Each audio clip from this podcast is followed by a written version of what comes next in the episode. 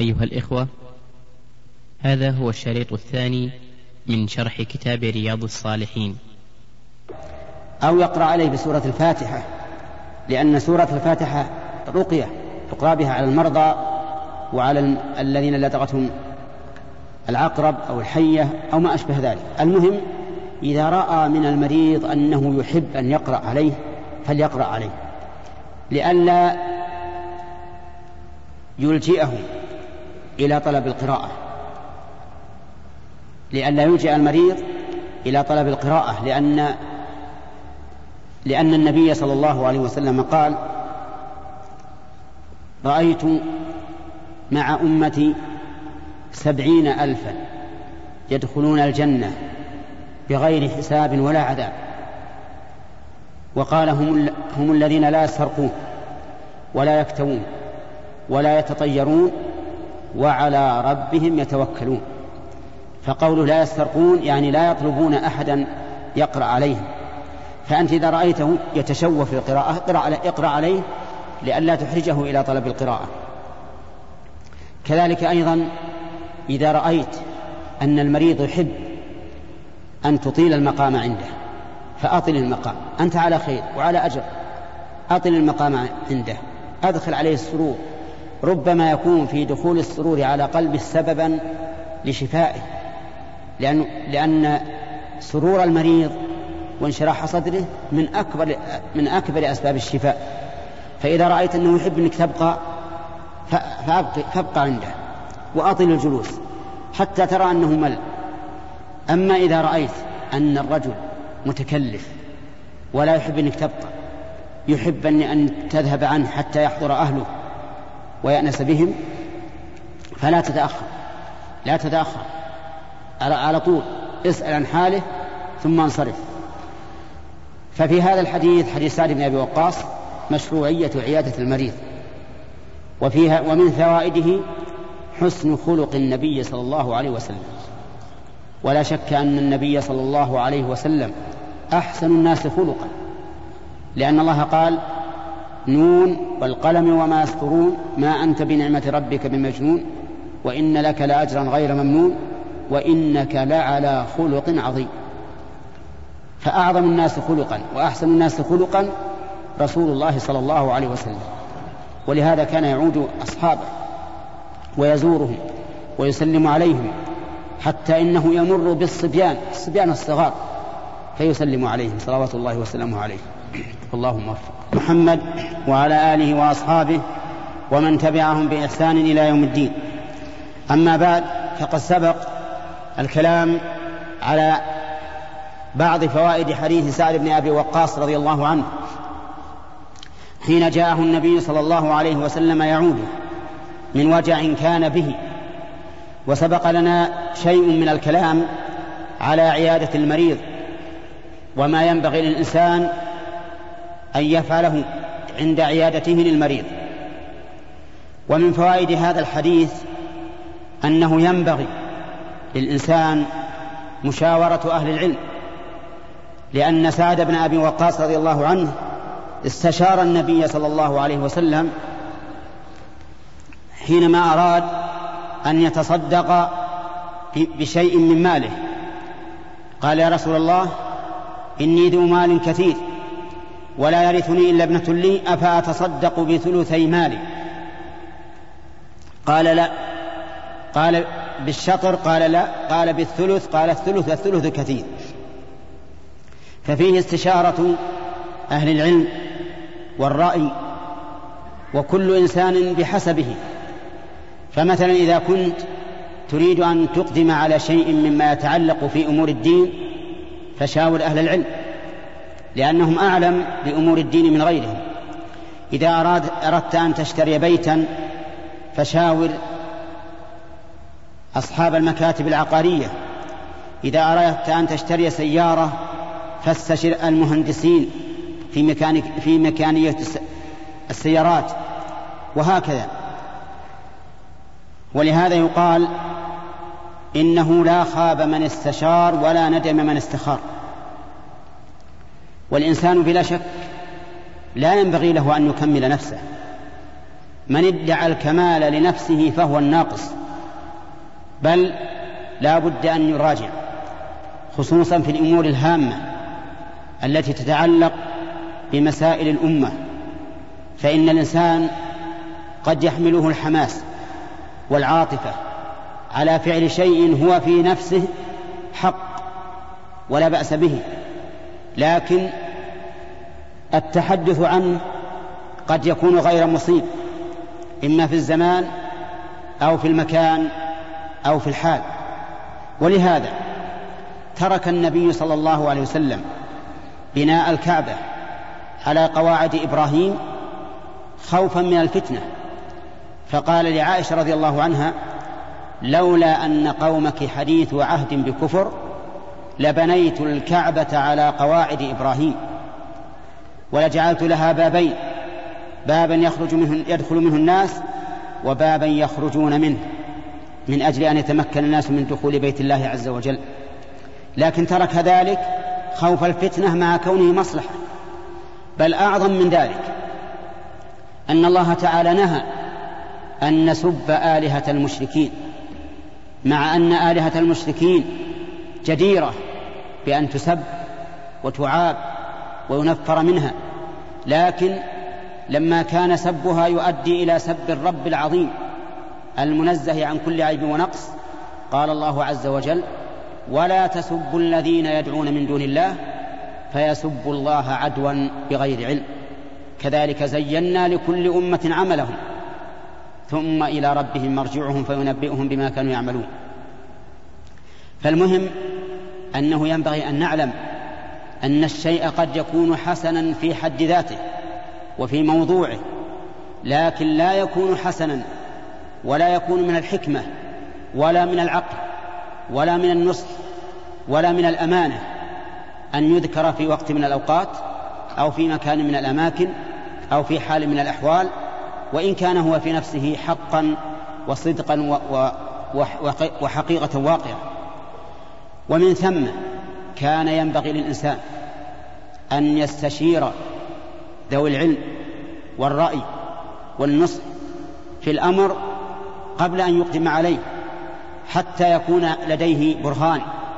لأن الله قال لأشرف خلقه عليه الصلاة والسلام وأسدهم رأيا وأبلغهم نصحا محمد صلى الله عليه وسلم قال فاعف عنهم واستغفر لهم وشاورهم في الأمر فإذا عزمت فتوكل على الله. هذا وهو من؟ من هو؟ الرسول صلى الله عليه وسلم. أسد الناس رأيا وأرجحهم عقلا وأبلغهم نصحا صلوات الله وسلامه عليه. الإنسان ربما تأخذه العاطفة فيندفع ويقول هذا لله هذا أنا أفعله سأصدع بالحق سأقول سوف لا تأخذني في الله لو متلائم وما أشبه ذلك من الكلام ثم تكون العاقبة وخيمة. ثم إن الغالب أن الذي يحكم العاطفة ويتبع العاطفة ولا ينظر للعواقب ولا للنتائج ولا يقارن بين الأمور الغالب أنه يحصل على يديه من المفاسد ما لا يعلمه إلا الله عز وجل مع أنه نيته طيبة وقصده حسن لكن لم يحسن أن يتصرف لأن هناك شيء هناك فرقا بين حسن النية وحسن التصرف. قد يكون الإنسان حسن النية لكنه سيء التصرف وقد يكون سيء النية والغالب أن سيء النية يكون سيء التصرف لكن مع ذلك قد يحسن التصرف لينال غرضه السيء. فالإنسان يحمد على حسن نيته لكن قد لا يحمد على سوء فعله.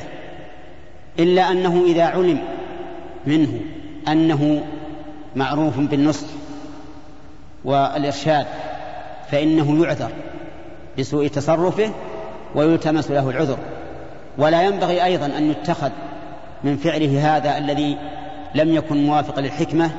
لا ينبغي بل لا يجوز أن يتخذ منه قدحا أن يتخذ منه قدح في هذا المتصرف وأن يحمل ما لا يتحمله ولكن يعذر ويبين له وينصح ويرشد ويقال يا أخي هذا كلامك أو فعلك حسن طيب وصواب في نفسه لكنه غير صواب في محله أو في زمانه أو في مكانه.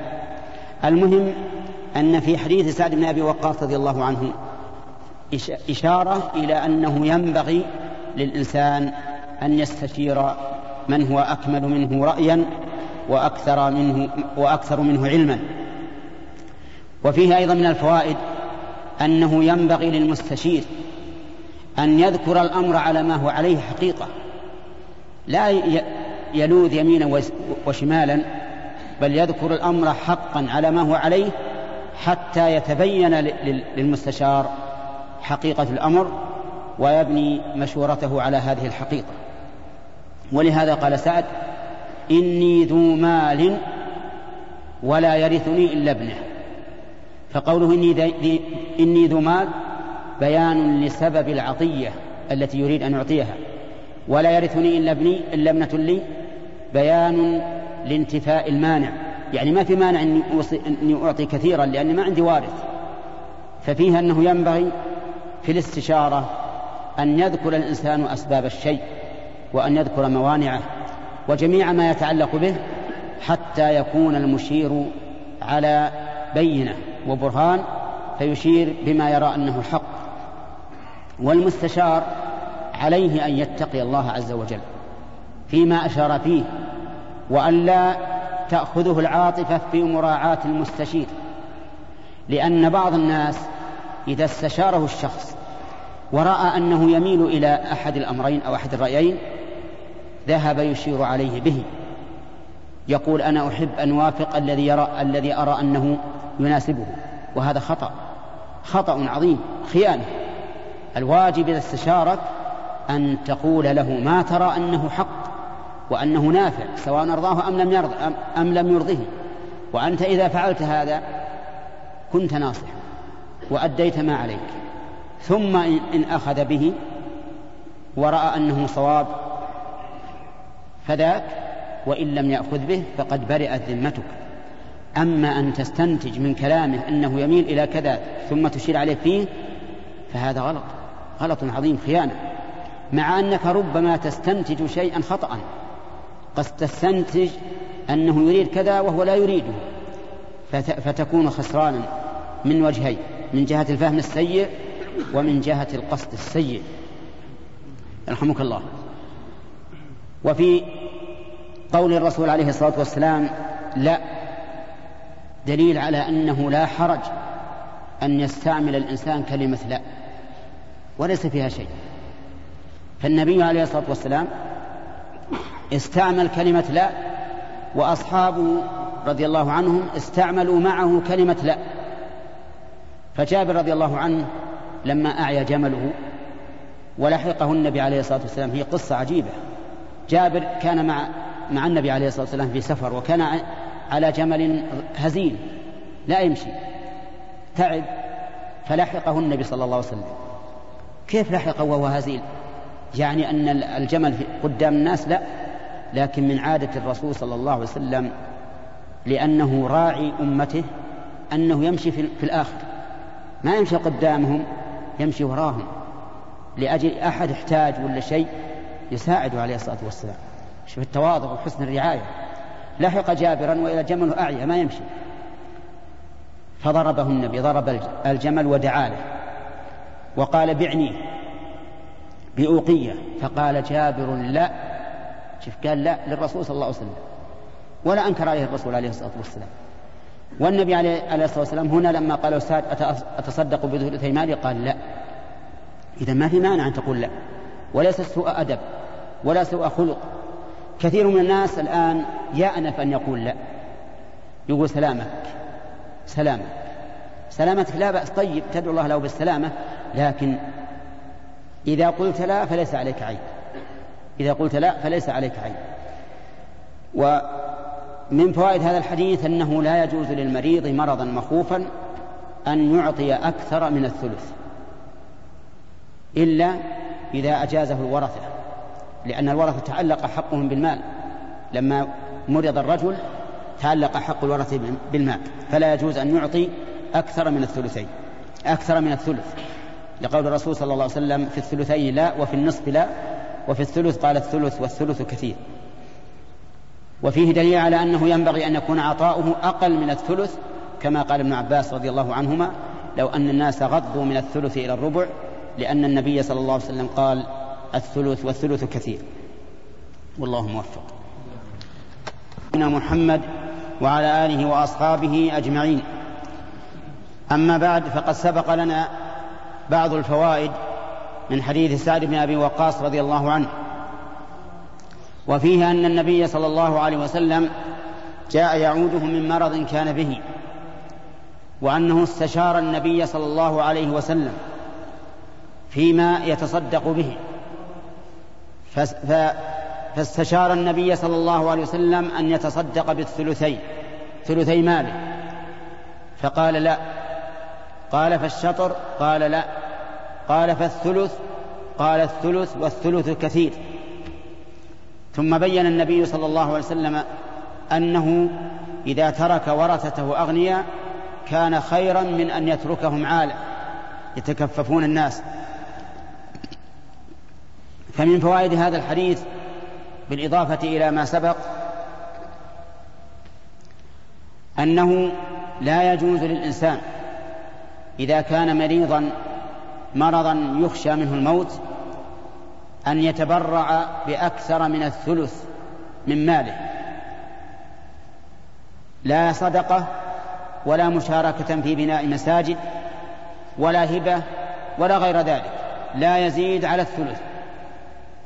لأن النبي صلى الله عليه وسلم منع سعد بن أبي وقاص أن يتصدق بما زاد على الثلث. ومن فوائده أنه ينبغي أن يغض من الثلث. يعني الربع الخمس دون ذلك لأن الرسول صلى الله عليه وسلم أشار إلى استحباب الغض من الثلث في قوله والثلث كثير. وبهذا استدل عبد الله بن عباس رضي الله عنهما حيث قال لو أن الناس غضوا من من الثلث إلى الربع لأن النبي صلى الله عليه وسلم قال الثلث والثلث كثير والوصية كالعطية فلا يجوز أن يوصي الإنسان بشيء من ماله بعد موته زائد على الثلث. بل يكون من الثلث فأقل. والأفضل في الوصية أن تكون بالخمس بخمس المال. لأن أبا بكر رضي الله عنه قال أرضى بما رضيه الله لنفسه الخمس فأوصى بخمسه رضي الله عنه. ومن ثم قال فقهاؤنا رحمهم الله يسن أن يوصي بالخمس إن ترك مالا كثيرا. ومن فوائد هذا الحديث أنه إذا كان مال الإنسان قليلا وكان ورثته فقراء فالأفضل أن لا يوصي بشيء لا قليل ولا كثير. لقوله صلى الله عليه وسلم إنك أن تذر ورثتك أغنياء خير من أن تذرهم عالة خلافا لما يظنه بعض العوام أنه لا بد من الوصية هذا خطأ. الإنسان الذي ماله قليل وورثته فقراء ليس عندهم مال لا ينبغي له أن يوصي. الأفضل أن لا يوصي. ويظن بعض العامة أنه إذا لم يوصي لم يكن له أجر وليس كذلك. بل إذا ترك المال لورثته فهو مأجور في هذا. وإن كان الورثة سوف يرثونه قهرا لكن إذا كان مسترشدا بهدي النبي صلى الله عليه وسلم بقوله إنك أن تذر ورثتك أغنياء خير من أن تذرهم عالة فإنه فإن أجره في ذلك أفضل من أن يتصدق عنه بشيء من ماله. ومن فوائد هذا الحديث خوف الصحابة المهاجرون الذين هاجروا من مكة خوفهم أن يموتوا في مكة. لأن سعدا رضي الله عنه قال أخلف بعد أصحابي وهذا هذه الجملة استفهامية يعني أخلف وهذا تخلف وهذا استفهام توقع مكروه يعني أنه لا يحب أن يتخلف فيموت في مكة وقد خرج منها مهاجرا إلى الله ورسوله. وهكذا كل شيء تركه الإنسان لله لا ينبغي له أن يرجع فيه. وقد سبق لنا في شرح الحديث أن من ذلك ما فعله بعض الناس حيث تخلصوا من جهاز التلفزيون. لما رأوا من مضاره ومفاسده ما يربو على منافعه ومصالحه تركوه لله فكسروه. ثم جاءوا يسألون هل يعيدونه مرة ثانية؟ نقول لا تعد لا تعده مرة أخرى. ما دمت قد تخلصت منه ابتغاء وجه الله فلا ترجع فيما تركته لله. ومن فوائد هذا الحديث ظهور معجزة لرسول الله صلى الله عليه وسلم وهو أن النبي صلى الله عليه وسلم قال له إنك لن تخلف وسوف تخلف يعني تعمر حتى يضر بك أقوام وينتفع بك آخرون. فإن الأمر وقع كما توقعه النبي صلى الله عليه وسلم. فإن سعد رضي الله عنه عمر وبقي إلى خلافة عمر.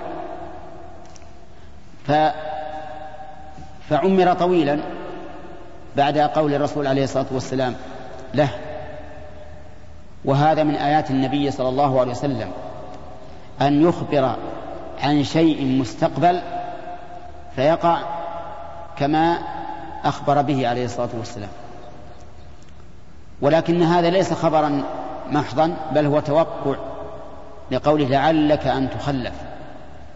فلم يجزم ولكن كان الأمر كما توقعه النبي صلى الله عليه وسلم.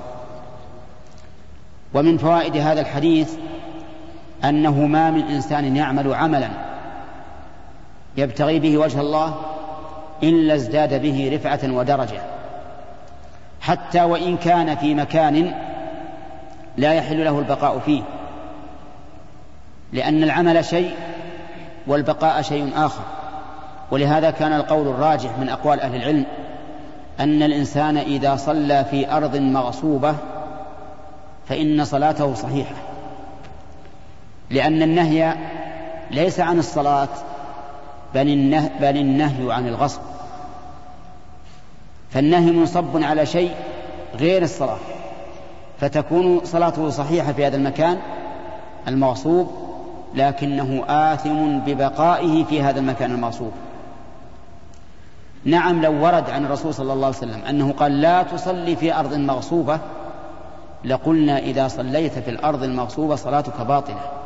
كما نقول إنك إذا صليت في المقبرة فصلاتك باطلة لأن النبي صلى الله عليه وسلم قال الأرض كلها مسجد إلا المقبرة والحمام. هذا غير صلاة الجنازة لأن صلاة الجنازة تجوز حتى في المقبرة.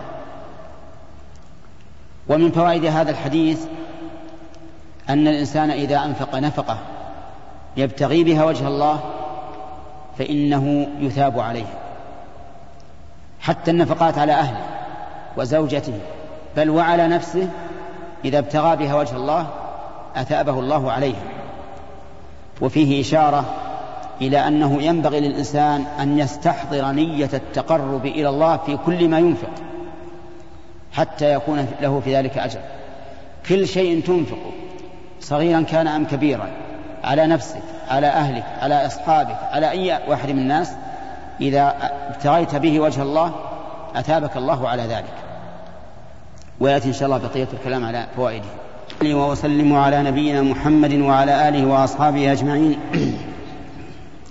أما بعد فقد سبق ما تيسر من الفوائد على حديث سعد بن أبي وقاص رضي الله عنه وأن النبي صلى الله عليه وسلم عاده في مرضه وأنه استشار النبي صلى الله عليه وسلم في الصدقة بثلثي ماله أو نصفه أو ثلثه فقال له النبي صلى الله عليه وسلم الثلث والثلث كثير وأنه رضي الله عنه تخوف أن يموت بمكة وقد هاجر منها فبين له النبي صلى الله عليه وسلم إن أنه لن يموت بمكة وأنه سيبقى حسب ما توقعه النبي صلى الله عليه وسلم.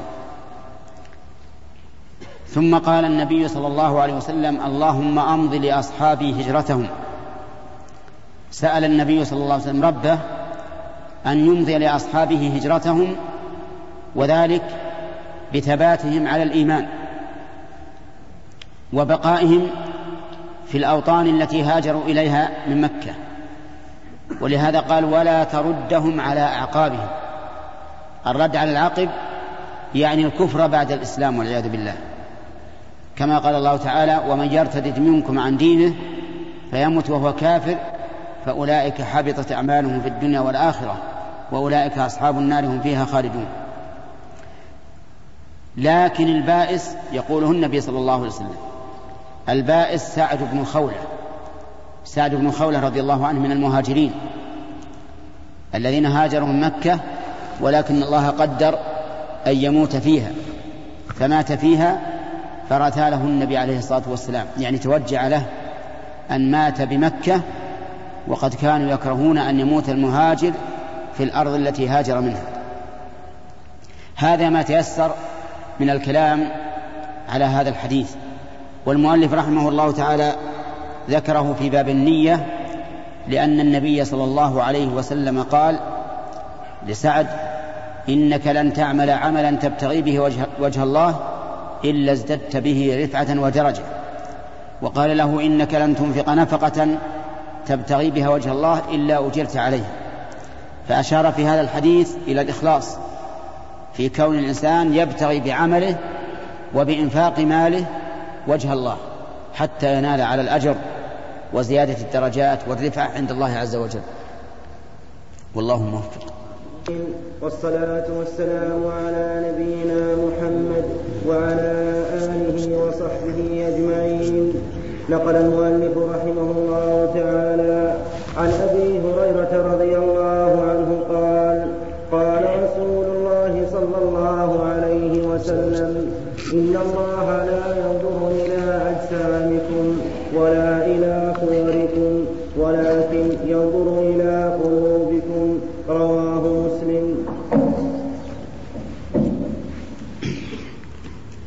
بسم الله الرحمن الرحيم. قال المؤلف رحمه الله تعالى فيما نقله عن أبي هريرة رضي الله عنه عن النبي صلى الله عليه وسلم أنه قال إن الله لا ينظر إلى صوركم وأجسامكم ولكن ينظر إلى قلوبكم وفي لفظ قلوبكم وأعمالكم.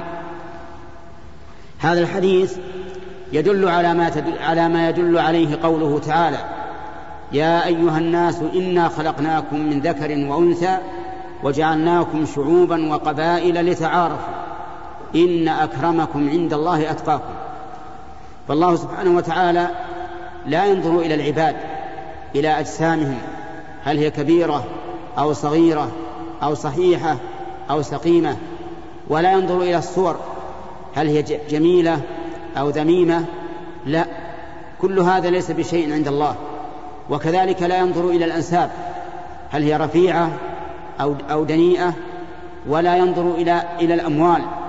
ولا ينظر إلى شيء من هذا ابدا. ليس بين الله تعالى وبين خلقه صلة إلا بالتقوى. فمن كان لله أتقى كان من الله أقرب وكان عند الله أكرم. اذا لا تفتخر بمالك ولا بجمالك ولا ببدنك ولا بأولادك ولا بقصورك ولا بسياراتك ولا بشيء من هذه الدنيا ابدا. إنما إذا وفقك الله للتقوى فهذا من فضل الله عليك فاحمد الله عليه قال ولكن ننظر إلى قلوبكم فالقلوب هي التي عليها المدار. وهذا يؤيد الحديث الذي صدر المؤلف به الكتاب إنما الأعمال بالنيات. القلوب هي التي عليها المدار. كم من إنسان ظاهر عمله أنه صحيح وجيد وصالح لكن لما بني على خراب صار خرابا. النية هي الأصل. تجد رجلين يصليان في صف واحد. بإمام واحد يكون بين صلاتيهما كما بين المشرق والمغرب. لماذا؟ لأن القلب أحدهما قلبه غافل بل ربما يكون مرائيا في صلاته والعياذ بالله. يريد بها الدنيا والآخر قلبه حاضر يريد بصلاته وجه الله واتباع سنة رسول الله صلى الله عليه وسلم. فبينهما فرق عظيم. فالعلم على ما في القلب وعلى ما في القلب يكون الجزاء يوم القيامة. كما قال الله تعالى إنه على رجعه لقادر يوم تبلى السرائر. تختبر السرائر. ما هي الظواهر؟ في الدنيا الحكم بين الناس على الظاهر. لقول النبي صلى الله عليه وسلم إنما أقول بنحو ما أسمع. لكن في الآخرة العلم على ما في السرائر نسأل الله أن يطهر سرائرنا وإياكم. العلم على ما في السرائر. إذا كانت السريرة جيدة صحيحة فأبشر بالخير. وإن كانت الأخرى فقدت الخير كله. وقال الله تعالى أفلا يعلم إذا بعثر ما في القبور؟ وحصل ما في الصدور. فالعلم على ما في القلب. وإذا كان الله تعالى في كتابه وكان رسوله صلى الله عليه وسلم في سنته يؤكدان على إصلاح النية فالواجب على الإنسان أن يصلح نيته يصلح قلبه ينظر ما في قلبه من الشك من الشك فيزيل هذا الشك إلى اليقين. كيف؟ قال الإنسان إذا كان فيه شك كيف يكون يقينا؟ ينظر في الآيات. ينظر في الآيات. إن في خلق السماوات والأرض واختلاف الليل والنهار لآيات لقوم لآيات لأولي الألباب. إن في السماوات والأرض لآيات للمؤمنين. وفي خلقكم وما يبث من دابة آيات لقوم يوقنون. فأنت انظر في آيات الله. إذا ألقى الشيطان في قلبك الشك فانظر في آيات الله. انظر في هذا الكون. انظر من يدبره. انظر كيف تتغير الأحوال كيف يداول الله الناس يداول الله الأيام بين الناس حتى تعلم أن لهذا الكون مدبرا حكيما عز وجل.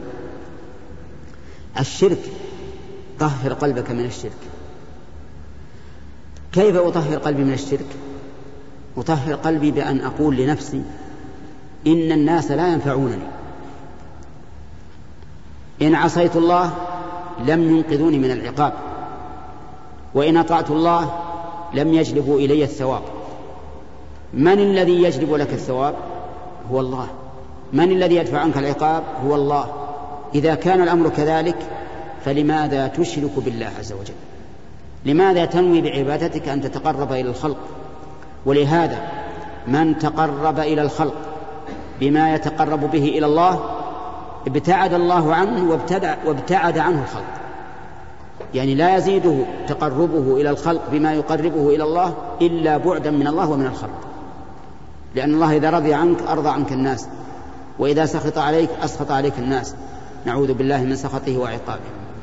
المهم يا أخي عالج القلب عالج القلب دائما. كن دائما في غسيل للقلب حتى يطهر. كما قال الله تعالى أولئك الذين لم يرد الله أن يطهر قلوبهم. لم لم يرد الله أن يطهر قلوبهم. فتطهير القلب أمر مهم جدا. أسأل الله أن يطهر قلبي وقلوبكم وأن يجعلنا له مخلصين ولرسوله متبعين. والصلاة والسلام على نبينا محمد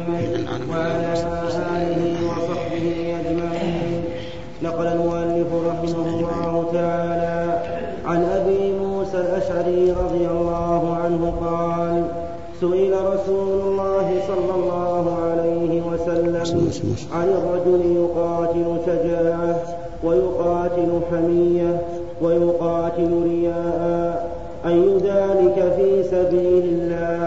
فقال رسول الله صلى الله عليه وسلم صلى الله عليه وسلم. من قاتل, من قاتل لتكون كلمة الله متفق عليه. بسم الله الرحمن الرحيم. قال المؤلف رحمه الله تعالى فيما نقله عن أبي موسى الأشعري رضي الله عنه. قال سئل النبي صلى الله عليه وسلم عن الرجل يقاتل شجاعة ويقاتل حمية ويقاتل رياء وفي لفظ ويقاتل ليرى مكانه. أي ذلك في سبيل الله؟ قال من قاتل لتكون كلمة الله هي العليا فهو في سبيل الله. وقوله من قاتل لتكون في هذا إخلاص النية لله عز وجل وهذا هو الذي ساق المؤلف الحديث من أجله. إخلاص النية. فقد سئل النبي صلى الله عليه وسلم في هذا الحديث عن الذي يقاتل. على هذه الوجوه الثلاث الثلاثة شجاعة وحمية ويرى مكانه. أما الذي يقاتل الشجاعة فمعناه أنه رجل شجاع يحب القتال لأن الرجل الشجاع متصف بالشجاعة والشجاعة لا بد لها من ميدان تظهر فيه فتجد الشجاع يحب أن الله ييسر له قتالا ليقاتل. ويظهر شجاعته فهو يقاتل لأنه شجاع يحب القتال. الثاني يقاتل حمية حمية على من؟ حمية على قوميته حمية على قبيلته حمية على وطنه حمية لأي, لأي عصبية كانت.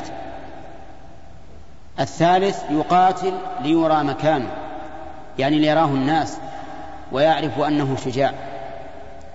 فعدل النبي صلى الله عليه وسلم عن ذلك وقال كلمة موجزة ميزانا للقتال.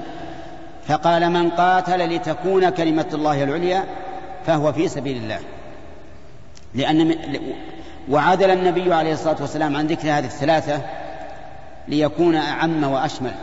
لأن لأن الرجل ربما يقاتل من أجل الاستيلاء على الأوطان والبلدان يقاتل من أجل أن يحصل على امرأة يسبيها من هؤلاء القوم. المهم إن النيات ما لها حد. لكن هذا الميزان الذي ذكره النبي عليه الصلاة والسلام ميزان تام عدل. ومن هنا نعلم أنه يجب أن تعدل اللهجة التي يتفوه بها اليوم كثير من الناس. اللهجة لهجتان. لهجة يقاتلون للقومية القومية العربية. والقتال للقومية العربية قتال جاهلي. من قتل فيه فليس شهيدا. فقد الدنيا وخسر الآخرة. لأنه ليس ذلك في سبيل الله. القتال لأجل القومية العربية هو قتال جاهلي. لا يفيد الإنسان شيئا. ولذلك على الرغم من قوة الدعاية للقومية العربية لم نستفد شيئا. اليهود استولوا على بلادنا. نحن تفككنا. دخل في ميزان هذه القومية قوم كفار من النصارى وغير النصارى. وخرج منها قوم مسلمون من غير العرب. فخسرنا ملايين العالم ملايين الناس من أجل هذه القومية. ودخل فيها قوم لا خير فيهم. قوم إذا دخلوا في شيء كتب عليه الخذلان والخسارة. أيضا القومية الثانية العصبية الثانية والحمية الثانية حمية الوطن أن نقاتل لأجل الوطن. نحن إذا قاتلنا من أجل الوطن لم يكن فرق بين قتالنا وبين قتال الكافر عن وطنه. حتى الكافر يقاتل عن وطنه ويدافع عن وطنه. والذي يقتل من أجل الدفاع عن الوطن فقط ليس بشهيد. ولكن الواجب ولكن الواجب عليه. ونحن مسلمون. وفي بلد إسلامي ولله الحمد نسأل الله أن يثبتنا على ذلك. الواجب أن نقاتل من أجل الإسلام في بلادنا. انتبه للفرق. نقاتل من أجل الإسلام في بلادنا. نحمي الإسلام الذي في بلادنا. نحمي الإسلام لو كنا في أقصى الشرق أو الغرب. لو كان بلادنا في أقصى الشرق أو الغرب قاتلنا للإسلام. ما هو لوطننا فقط في فيجب أن تصحح هذه النغمة فيقال نحن نقاتل من أجل الإسلام في وطننا. أو من أجل وطننا لأنه إسلامي ندافع عن الإسلام الذي فيه. أما مجرد الوطنية فإنها نية باطلة. لا تفيد الإنسان شيئا. وليس فرق بين الإنسان الذي يقول إنه مسلم والإنسان الذي يقول إنه كافر إذا كان القتال من أجل الوطن لأنه وطن. وما يذكر من أن حب الوطن من الإيمان وأن ذلك حديث عن رسول الله صلى الله عليه وسلم كذب. هذا كذب ليس حديثا عن الرسول عليه الصلاة والسلام. حب الوطن إن كان لأنه وطن إسلامي فهذا تحبه لأنه وطن إسلامي. ولا فرق بين وطنك الذي هو مسقط رأسك أو الوطن البعيد من بلاد المسلمين. كلها وطن إسلامي يجب أن نحميه. على كل حال يجب أن نعلم أن النية الصحيحة هي أن نقاتل من أجل الدفاع عن الإسلام في بلد في بلدنا أو من أجل وطننا لأنه وطن إسلامي لا لمجرد الوطنية. هذا في قتال في, في القتال من أجل الوطن يجب أن يصحح. أما قتال الدفاع يعني لو أن أحدا صال عليك في بيتك يريد أخذ مالك أو يريد أن ينتهك عرض أهلك مثلا فإنك تقاتله. قاتله كما أمرك بذلك النبي عليه الصلاة والسلام. فقد سئل عن الرجل يأتيه إنسان يقول أعطني مالك قال لا تعطي قال أرأيت إن قاتلني؟ قال قاتله. قال أرأيت إن قتلني؟ قال إن قتلك فأنت شهيد. قال أرأيت إن قتلته؟ قال إن قتلته فهو في النار. لأنه معتد ظالم حتى وإن كان مسلما. إذا جاء مسلم يريد أن يقاتلك يخرجك من بلدك من بيتك قاتل إن قتلته فهو في النار. وإن قتلك فأنت شهيد. لا تقول والله كيف إني أقتل مسلم كيف اقدم على قتل المسلم؟ هو المعتدي. ولو كتفنا أيدينا أمام المعتدين الظالمين الذين لا يرقبون في مؤمن إلا ولا ذمة ولا دينا لكان المعتدون لهم السلطة وأفسدوا في الأرض بعد إصلاحها. ولذلك نقول هذه المسألة ليست من باب قتال الطلب. قتال الطلب معلوم أني ما أنني لا أذهب أقاتل مسلما أطلبه لكن أدفع عن نفسي ومالي وأهلي ولو كان مؤمنا ما هو مسلم فقط لو كان من من أعظم الناس إيمانا مع أنه لا يمكن ابدا أن يكون شخص معه إيمان يقدم على مسلم يقاتله ليستولي على على أهله وماله ابدا. ولهذا قال النبي عليه الصلاة والسلام سباب المسلم فسوق وقتاله كفر. لا إيمان لإنسان بقاتل المسلمين إطلاقا. فإذا كان هذا الرجل فاقد الإيمان أو ناقص الإيمان فإنه لا يجب أن نقاتله دفاعا عن النفس وجوبا لأن النبي عليه الصلاة والسلام قال قاتله وقال إن قتلته فهو في النار وإن قتلك فأنت شهيد لأنك تقاتل دون مالك ودون أهلك ودون نفسك. فالحاصل أن لا أن هناك قتالين. قتالا للطلب. أذهب أنا أقاتل الناس مثلا. في بلادهم. هذا لا يجوز إلا في شروط معينة. مثلا قال العلماء إذا ترك أهل قرية الأذان الأذان وهم هم من أركان الإسلام إذا ترك أهل قرية الأذان وجب على ولي الأمر أن يقاتلهم حتى يؤذن. لأنهم تركوا شعيرة من شعائر الإسلام. إذا تركوا صلاة العيد قالوا ما نصلي صلاة العيد لا في بيوتنا ولا في الصحراء يجب أن نقاتلهم. حتى لو فرض أن قوما قالوا يا جماعة تعال الأذان هل هو من من أركان الإسلام؟ قلنا لا لكنه من شعائر الإسلام. فنقاتلكم حتى تؤذنوا نقاتلكم. إذا اقتتلت طائفتان من المؤمنين مثل قبيلتان بينهما عصبية تقاتلا وجب علينا أن نصلح بينهما. فإن بغت إحداهما على الأخرى وجب أن نقاتلها حتى تفيء إلى أمر الله مع أنها مؤمنة لكن فرق بين قتال الدفاع وقتال الطلب. الطلب ما نطلب إلا مسلما أو من أباح الشارع قتاله وأما الدفاع فلا بد أن ندافع. خلاصة الكلام في هذا الدرس أنه يجب علينا أن نصحح النية. نقاتل دفاعا عن الإسلام الذي في بلادنا أو عن أوطاننا التي فيها الإسلام لأجل الإسلام الذي فيها. أما أن نقاتل من أجل الوطن فقط لأنه ترابنا وأنه مسقط رؤوسنا وما أشبه ذلك فهذا قتال جاهلي لا خير فيه. ومن قتل فيه فليس من الشهداء. لذلك نرجو منكم أن تنبهوا على هذه المسألة لأننا نرى في الجرائد في الصحف الوطن الوطن الوطن الوطن الوطن ولا فيه ذكر للإسلام.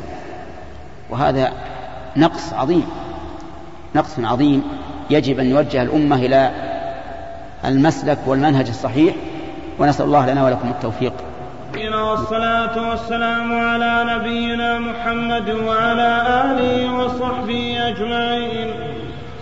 قال رحمه الله تعالى وعن أبي بكرة نفيع بن الحارث الثقفي رضي الله عنه أن النبي صلى الله عليه وسلم قال إذا التقى المسلمان بسيفيهما فالقاتل والمقتول في النار. قلت يا رسول الله هذا القاتل فما بال المقتول؟ قال إنه كان حريصا على قتل صاحبه. متفق عليه. بسم الله الرحمن الرحيم. قال المؤلف رحمه الله تعالى فيما نقله عن أبي قتادة نفيع بن الحارث رضي الله عنه. أن النبي صلى الله عليه وسلم قال إذا التقى المسلمان بسيفيهما فالقاتل والمقتول في النار. إذا التقى المسلمان يعني يريد كل واحد منهما أن يقتل الآخر فسل عليه السيف. وكذلك لو أشهر عليه السلاح البندقية أو غير ذلك مما يقتل كحجر ونحوه فذكر السيف هنا على سبيل التمثيل وليس على سبيل التعيين بل إذا التقى المسلمان بأي, وس... بأي وسيلة يكون بها القتل فقتل أحدهما الآخر فالقاتل والمقتول في النار والعياذ بالله القاتل في النار والمقتول في النار. فقال أبو قتادة للنبي صلى الله عليه وسلم هذا القاتل يعني أن كونه في النار واضح لأنه قتل نفسا مؤمنة متعمدا والذي يقتل نفسا مؤمنة متعمدا بغير حق فإنه في نار جهنم.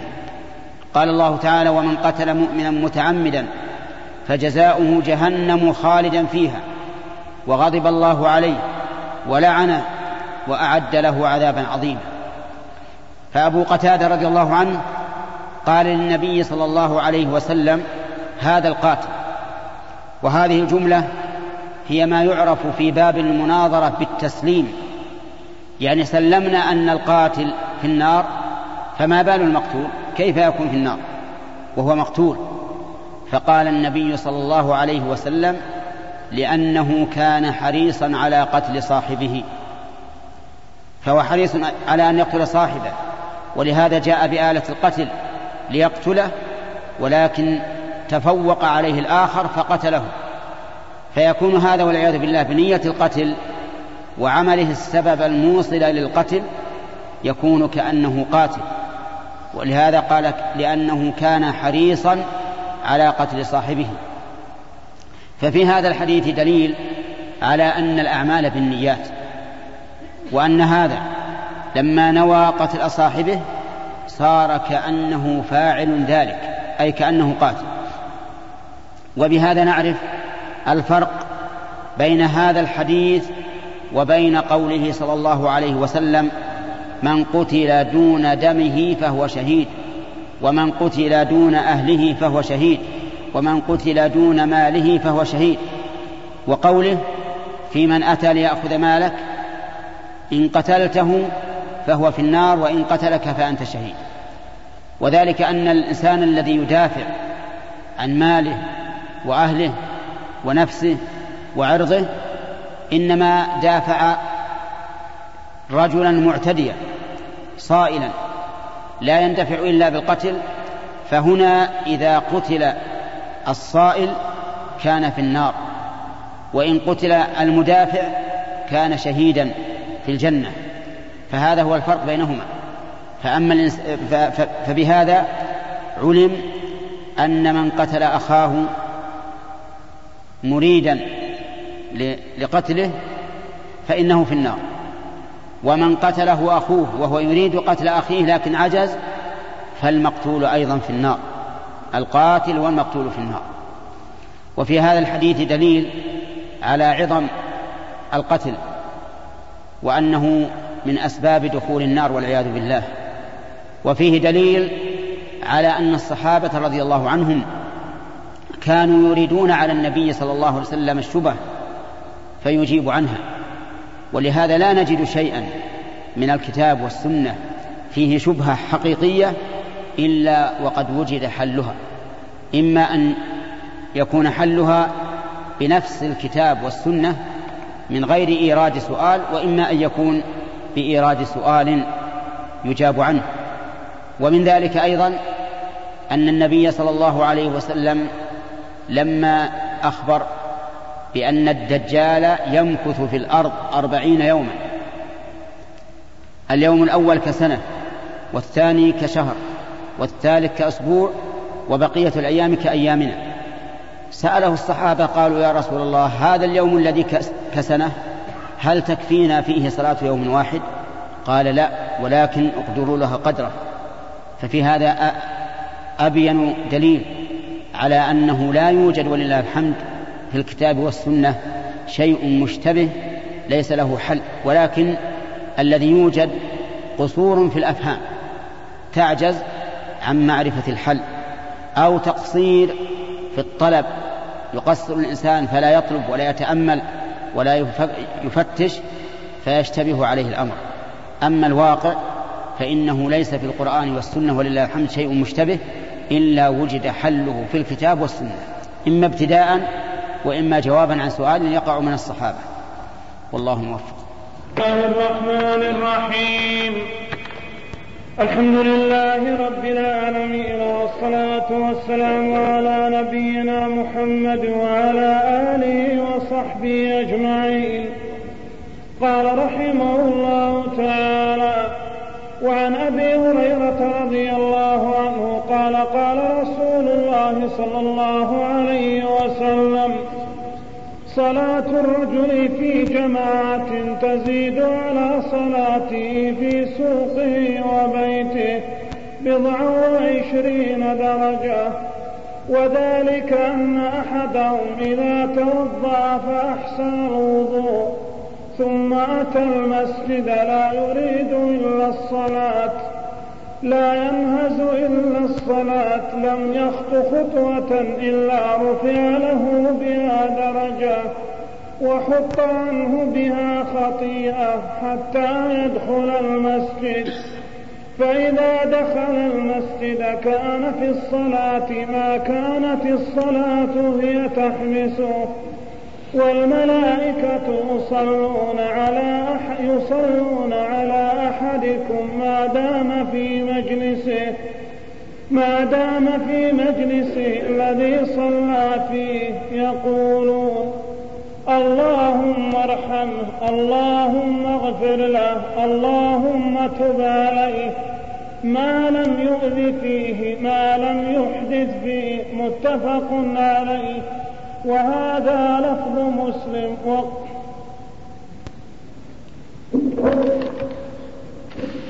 بسم الله الرحمن الرحيم. قال المؤلف رحمه الله تعالى فيما نقله عن أبي هريرة رضي الله عنه عن النبي صلى الله عليه وسلم.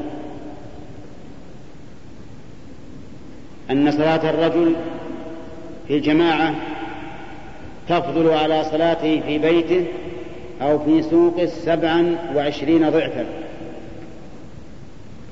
يعني أنه إذا صلى الإنسان في المسجد مع الجماعة كانت هذه الصلاة أفضل من الصلاة في بيته أو في سوقه سبعا وعشرين مرة. لأن الصلاة مع الجماعة قيام بما أوجب الله من صلاة الجماعة. فإن القول الراجح من أقوال أهل العلم أن صلاة الجماعة فرض عين وأنه يجب على الإنسان أن يصلي مع الجماعة في المسجد. لأحاديث وردت في ذلك ولما أشار الله إليه سبحانه وتعالى في كتابه حيث قال وإذا كنت فيهم فأقمت لهم الصلاة فلتقم طائفة منهم معك إلى آخر الآية. فأوجب الله الجماعة في حال الخوف فإذا أوجبها في حال الخوف ففي حال الأمن من باب أولى وأحد. ثم ذكر السبب في ذلك بأن الرجل إذا توضأ في بيته فأسبغ الوضوء ثم خرج من بيته إلى المسجد لا ينهزه أو لا يخرجه إلا الصلاة لم يخطو خطوة إلا رفع الله له بها درجة وحط عنه بها خطيئة. قرب مكانه من المسجد أم بعد كل خطوة يحصل بها فائدتان. الفائدة الأولى أن الله يرفعه بها درجة. والفائدة الثانية أن الله يحط بها عنه خطيئة. وهذا فضل عظيم. حتى يدخل المسجد. فإذا دخل المسجد فصلى ما كتب له ثم جلس ينتظر الصلاة فإنه لا يزال في صلاة ما انتظر الصلاة. وهذا أيضا نعمة عظيمة. لو لو بقيت منتظرا للصلاة مدة طويلة وأنت جالس لا تصلي بعد أن صليت تحية المسجد وما شاء الله فإنك فإنه يحسب لك أجر الصلاة. لا يزال في صلاة من انتظر الصلاة. هناك أيضا شيء رابع أن الملائكة تصلي عليه ما دام في مجلسه الذي صلى فيه. تقول اللهم صل عليه اللهم اغفر له اللهم ارحمه اللهم تب عليه. وهذا أيضا فضل عظيم لمن حضر بهذه النية وبهذه الأفعال. والشاهد من هذا الحديث قوله ثم خرج من بيته إلى المسجد لا يخرجه إلا الصلاة فإنه يدل على اعتبار النية لحصول هذا الأجر العظيم. أما لو خرج من بيته لا يريد الصلاة فإنه لا يكتب له هذا الأجر مثل أن يخرج من بيته إلى دكانه فلما أذن ذهب يصلي. فإنه لا يحصل على هذا الأجر. لأن الأجر إنما يحصل لمن خرج من البيت لا يخرجه إلا الصلاة. لكن ربما يكتب له الأجر من حين أن ينطلق من دكانه أو من مكان بيعه وشرائه إلى أن يصل المسجد. ما دام انطلق من هذا المكان وهو على طهارة. والله موفق. بسم الله الرحمن الرحيم. الحمد لله رب العالمين والصلاة والسلام على نبينا محمد وعلى آله وصحبه أجمعين. نقل المؤلف رحمه الله تعالى عن ابن عباس رضي الله عنهما عن النبي صلى الله عليه وسلم فيما يرويه عن ربه عز وجل أنه قال إن الله كتب الحسنات والسيئات ثم بين ذلك فمن هم بحسنة فلم يعملها. كتبها الله تبارك وتعالى عنده حسنة كاملة وإن هم بها فعملها. كتبها الله عشر حسنات إلى سبعمائة ضعف إلى أضعاف كثيرة. وإن هم بسيئة فلم يعملها. كتبها الله تعالى عنده حسنة كاملة. وإن هم بها فعملها. كتبها الله سيئة واحدة. متفق عليه. بسم الله الرحمن الرحيم. قال المؤلف رحمه الله تعالى فيما نقله عن النواس بن سمعان رضي الله عنه عن النبي صلى الله عليه وسلم أنه قال إن الله كتب الحسنات والسيئات. ثم بين ذلك كتابته للسيئات والحسنات تشمل معنيين. المعنى الأول كتابة ذلك في اللوح المحفوظ. فإن الله تعالى كتب في اللوح المحفوظ كل شيء. كما قال تعالى إنا كل شيء خلقناه بقدر. وقال تعالى وكل صغير وكبير مستطر. فالله تعالى كتب الحسنات والسيئات في اللوح المحفوظ. ثم يكتبها بعد ذلك إذا عملها العبد. إذا عملها العبد فإن الله تعالى يكتبها حسب ما تقتضيه حكمته وحسب ما يقتضيه عدله وفضله. فهاتان كتابتان كتابة سابقة لا يعلمها إلا الله عز وجل. فكل واحد منا لا يعلم ماذا كتب الله له من خير أو شر حتى يقع ذلك الشيء. وكتابة لاحقة إذا عمل الإنسان العمل كتب له. حسب ما تقتضيه الحكمة والعدل والفضل. ثم بين ذلك يعني بين النبي صلى الله عليه وسلم ذلك كيف يكتب. فبين أن أن الإنسان إذا هم بحسنة فلم يعملها كتبها الله تعالى حسنة كاملة. مثال ذلك رجل هم أن يتوضأ ليقرأ القرآن. ثم لم يفعل ذلك. عدل عن هذا. فإنه يكتب له بذلك حسنة كاملة. هم أن يتصدق وعين المال الذي الذي يريد أن يتصدق به ثم أمسك ولم يتصدق. فيكتب له بذلك حسنة كاملة. هم أن يصلي ركعتين. ثم أمسك ولم يصلي فإنه يكتب له بذلك حسنة كاملة. فإن قال قائل كيف يكتب له حسنة وهو لم لم يفعلها فالجواب على ذلك أن يقال إن فضل الله واسع إن فضل الله واسع. هذا الهم الذي حدث منه هذا الهم الذي حدث منه يعتبر حسنة لأن القلب همام إما بخير أو بشر. فإذا هم بالخير فهذه حسنة تكتب له. فإن عملها كتبها الله تعالى عشر حسنات إلى سبعمائة ضعف إلى أضعاف كثيرة. إذا عمل الحسنة التي هم بها فإنه يكتب له ما, ما ذكر. عشر حسنات إلى سبعمائة ضعف إلى أضعاف كثيرة. وهذا التفاوت مبني على شيء مبني على الإخلاص والمتابعة. فكلما كان الإنسان في عبادته أخلص لله كان أجره أكثر. وكلما كان الإنسان في عبادته أتبع لرسول الله صلى الله عليه وسلم كانت عبادته أكمل وثوابه أكثر.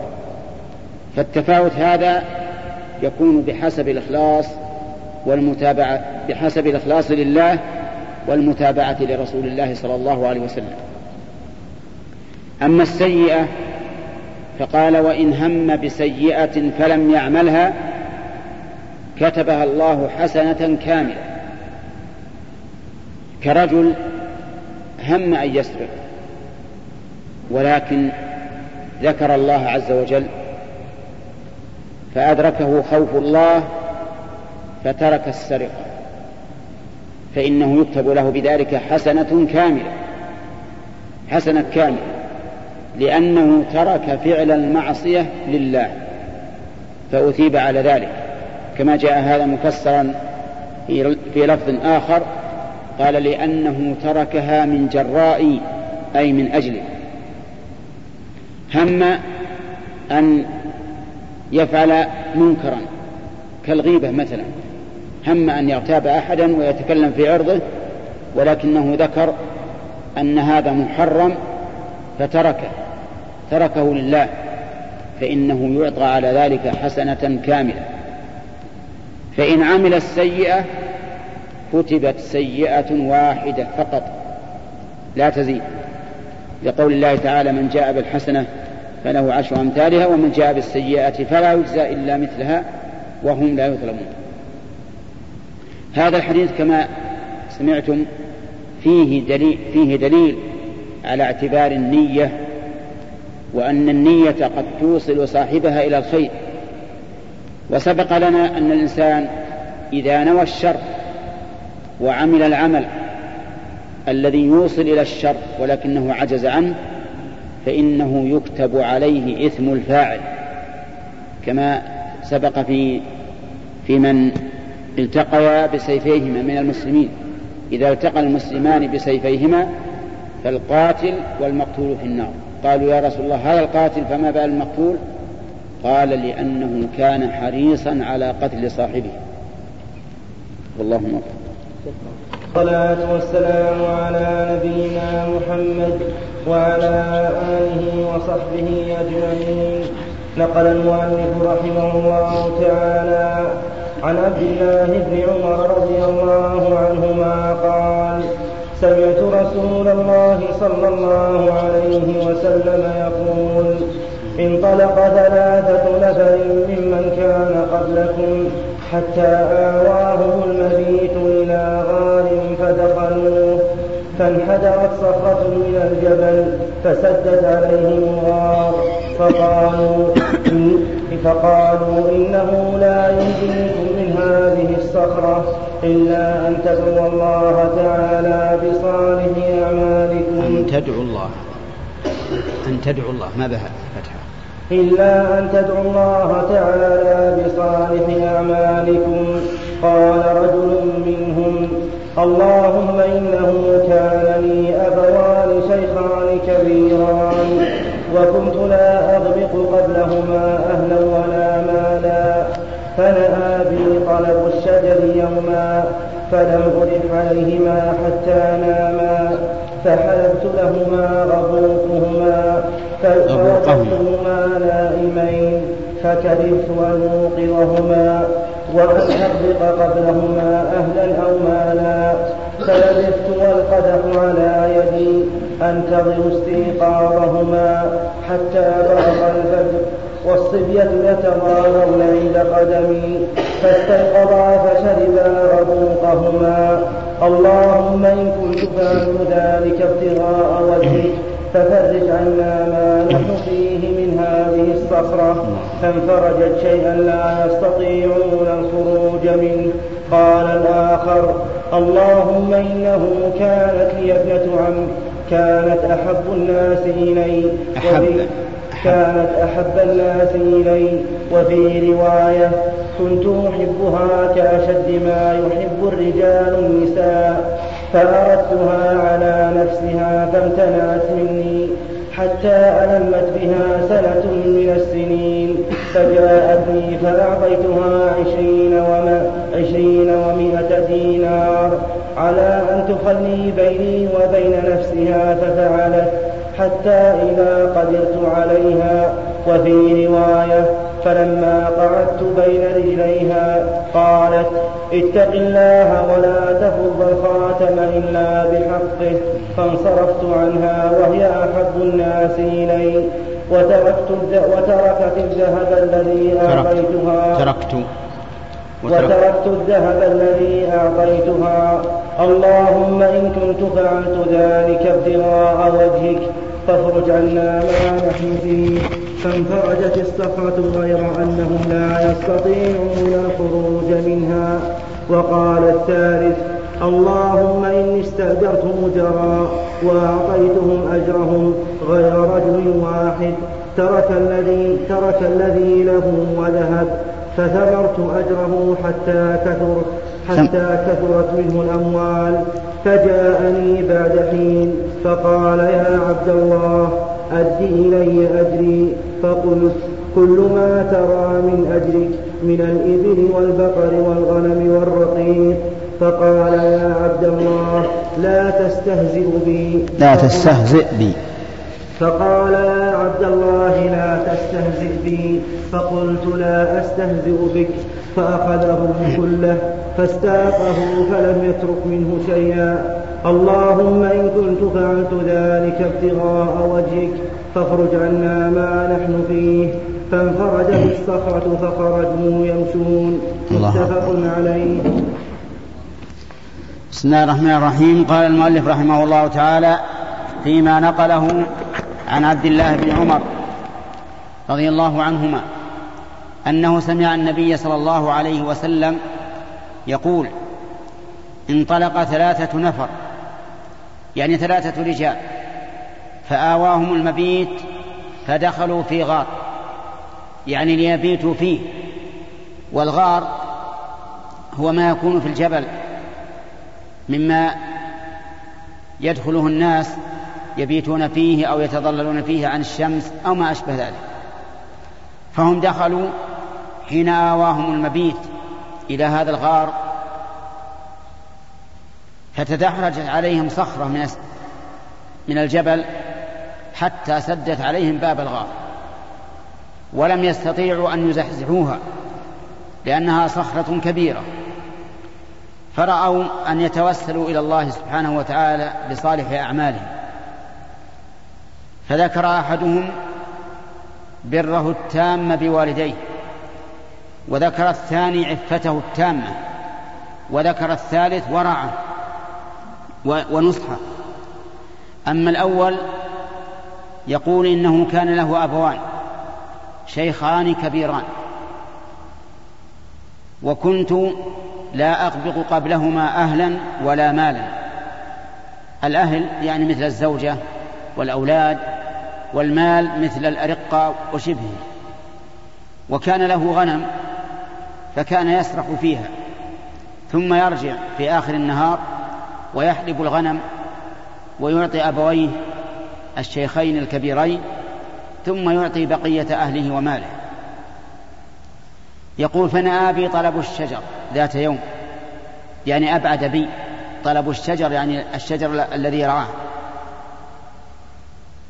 فرجع فوجد أبويه قد ناما فنظر هل يسقي أهله وماله قبل أبويه أو ينتظر حتى يستيقظ الأبوان. فرجح هذا يعني أنه بقي فأمسك الإناء بيده حتى برق الفجر. يعني حتى طلع الفجر وهو ينتظر استيقاظ أبويه. فلما استيقظا وشرب اللبن أسقى أهله وماله. قال اللهم إن كنت فعلت ذلك من أجلي فافرج عن من أجلك. اللهم إن كنت فعلت ذلك من أجلك فافرج عنا ما نحن فيه. يعني معناه اللهم إن كنت مخلصا في عمل هذا فعلته من أجلك فافرج عنا ما نحن فيه. وفي هذا دليل على الإخلاص لله عز وجل في العمل وأن الإخلاص عليه مدار كبير في قبول العمل. فتقبل الله منه هذه الوسيلة وانفرجت الصخرة لكن انفراجا لا يستطيعون الخروج منه. وذكر بقية حديث الحديث في الرجل العفيف كامل العفة والرجل الأمين كامل الأمانة. والله أعلم. العالمين والصلاة والسلام على نبينا محمد وعلى آله وصحبه أجمعين. قال رحمه الله تعالى في سياق حديث ابن عمر قال الآخر اللهم إنه كان لابنة عم. كانت أحب الناس إلي وفي رواية كنت أحبها كأشد ما يحب الرجال النساء فأردتها على نفسها فامتنعت مني حتى ألمت بها سنة من السنين.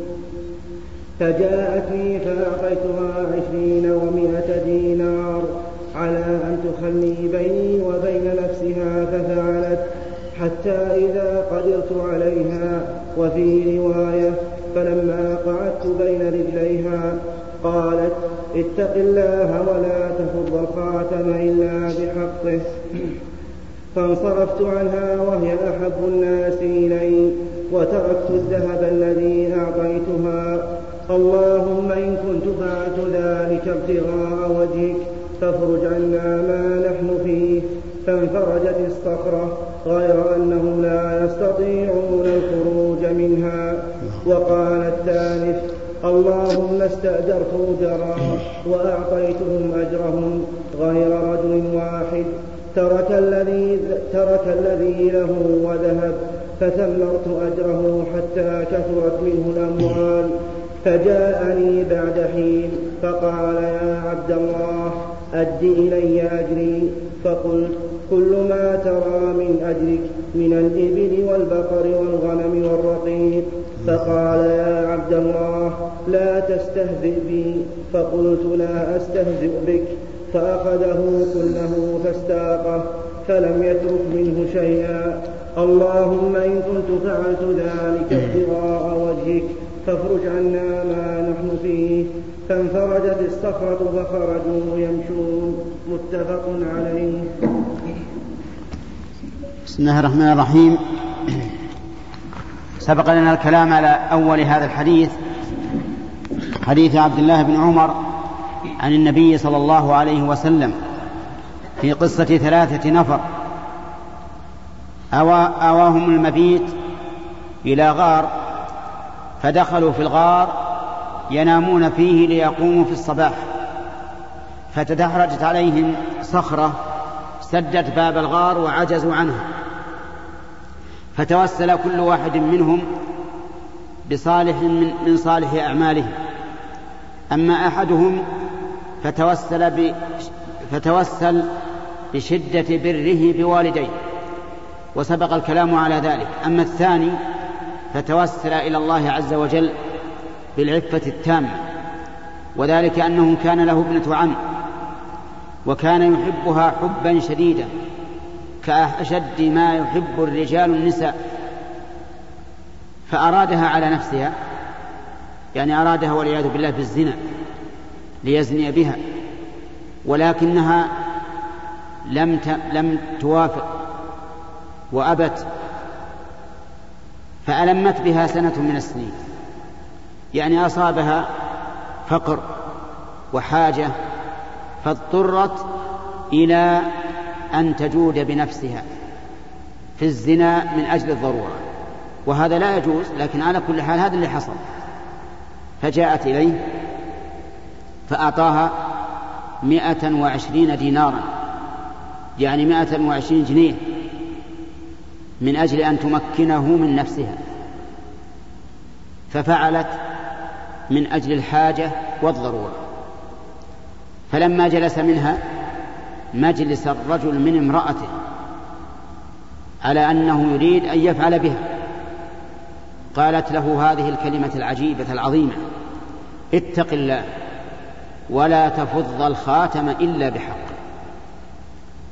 فخوفته بالله عز وجل وقال وأشارت إلي إلى أنه إن أراد هذا الشيء بالحق فلا عندها فليس عندها مانع لكن كون يفض الخاتم بغير حق. هي لا تريد. ترى أن هذا من المعاصي. ولهذا قالت له اتق الله. فلما قالت له هذه الكلمة التي خرجت من أعماق قلبها دخلت في أعماق قلبه وقام عنها وهي أحب الناس إليه.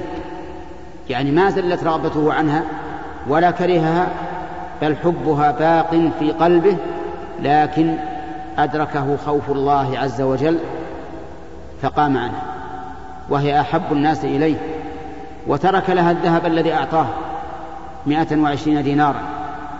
ثم قال اللهم إن كنت فعلت ذلك لأجلك فافرج عنا ما نحن فيه.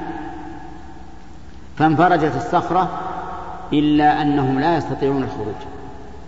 وهذا من آيات الله لأن الله على كل شيء قدير.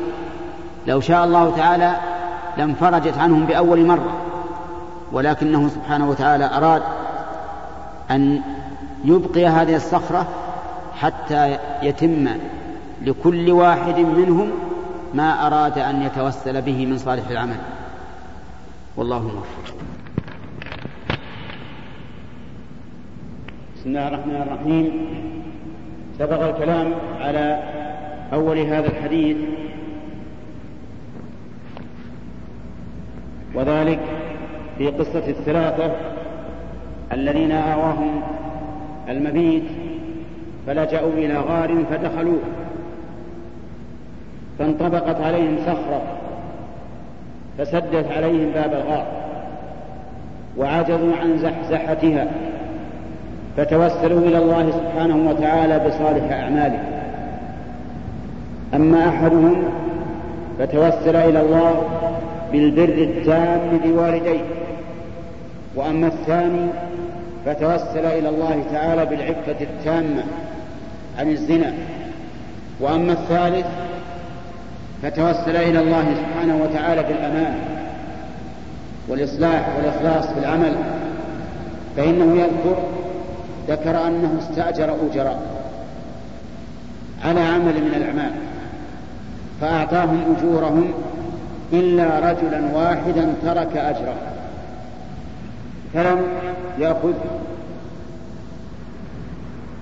فقام هذا المستأجر فثمر المال ثمر أجره.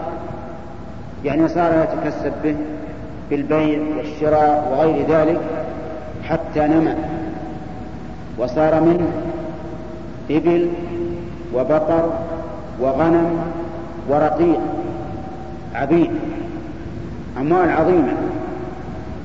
فجاءه بعد حين فقال له يا عبد الله أعطني أجري. فقال له كل ما ترى فهو لك من الإبل والبقر والغنم والرقيق. فقال لا تستهزئ بي الأجرة التي لك عند التي لي عندك قليلة. كيف لي كل ما أرى من الإبل والبقر والغنم والرقيق؟ لا تستهزئ بي. فقلت هو لك. فأخذه واستاقه كله ولم يترك له شيئا. اللهم إن كنت فعلت ذلك من أجلك فافرج عنا ما نحن فيه. فانفرجت الصخر وانفتح الباب وخرجوا يمشون.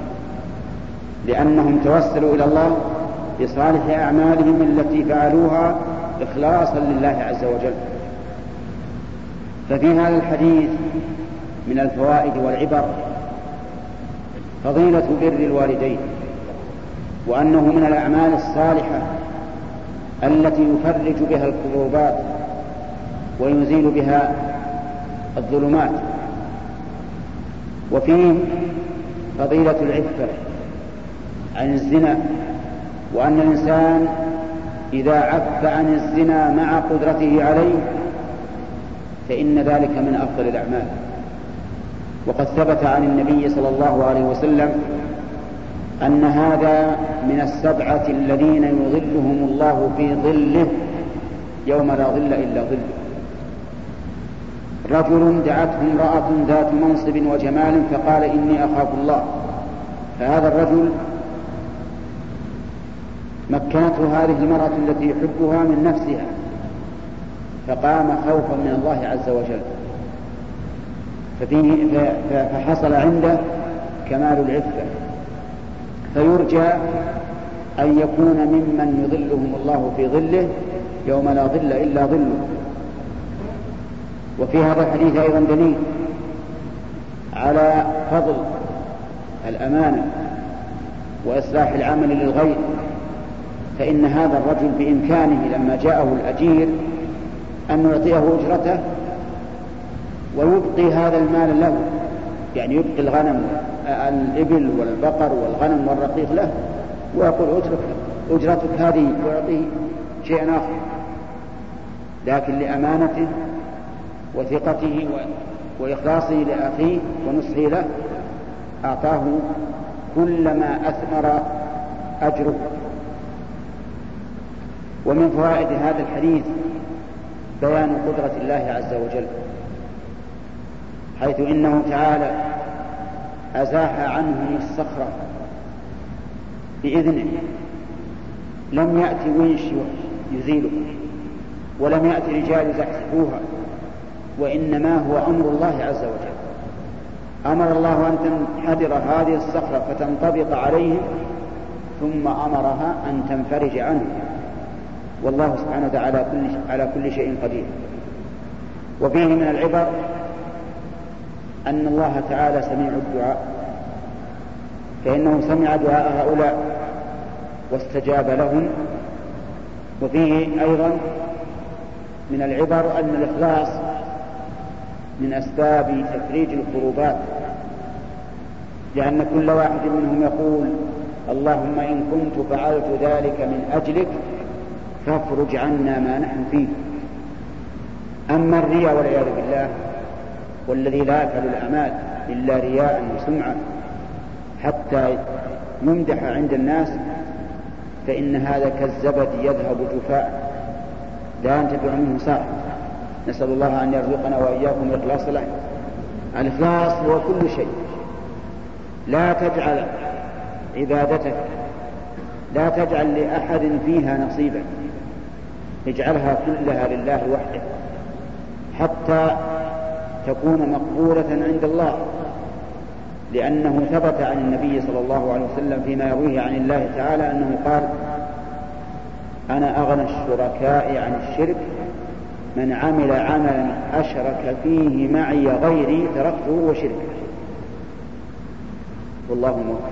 الحمد لله رب العالمين والصلاة والسلام على نبينا محمد وعلى آله وصحبه أجمعين. قال رحمه الله تعالى باب التوبة.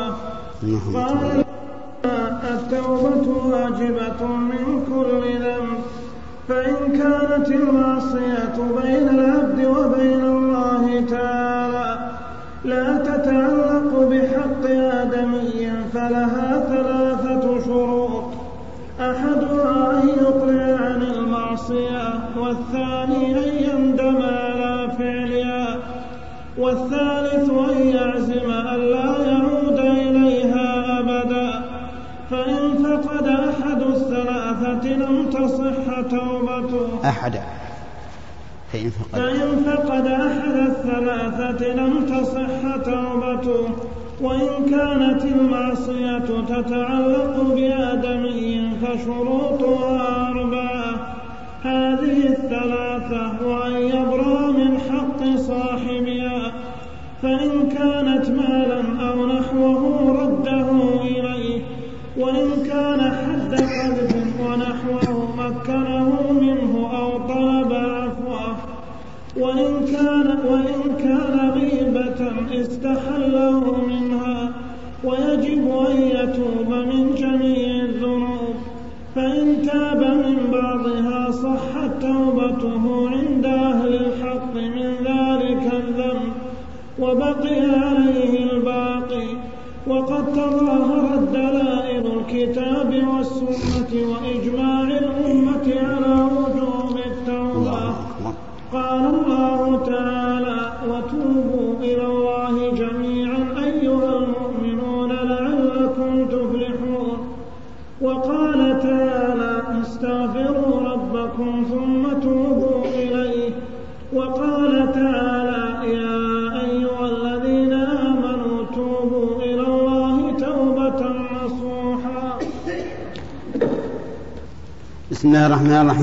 قال المؤلف رحمه الله تعالى باب التوبة. التوبة من تاب يتوب إذا رجع وهي الرجوع من معصية الله تعالى إلى طاعته. وأعظمها وأوجبها التوبة من الكفر إلى الإيمان. قال الله تعالى قل للذين كفروا إن ينتهوا يغفر لهم ما قد سلف. ثم يليه يليها التوبة من الكبائر من كبائر الذنوب. ثم المرتبة الثالثة التوبة من صغائر الذنوب. والواجب على المرء أن يتوب إلى الله سبحانه وتعالى من كل ذنب. وللتوبة شروط ثلاثة كما قال المؤلف رحمه الله ولكنها بالتتبع تبلغ إلى خمسة. الشرط الأول الإخلاص لله. بأن يكون بأن يكون قصد الإنسان بتوبته وجه الله عز وجل وأن يتوب الله عليه ويتجاوز عما فعل من المعصية. لا يقصد بذلك مراءاة الناس والتقرب إليهم ولا يقصد بذلك دفع الأذية من من من من السلطات وولي وولي الأمر وإنما يقصد بذلك وجه الله والدار الآخرة وأن يعفو الله عن ذنوبه. مع تحيات إخوانكم في إذاعة طريق الإسلام والسلام عليكم ورحمة الله وبركاته.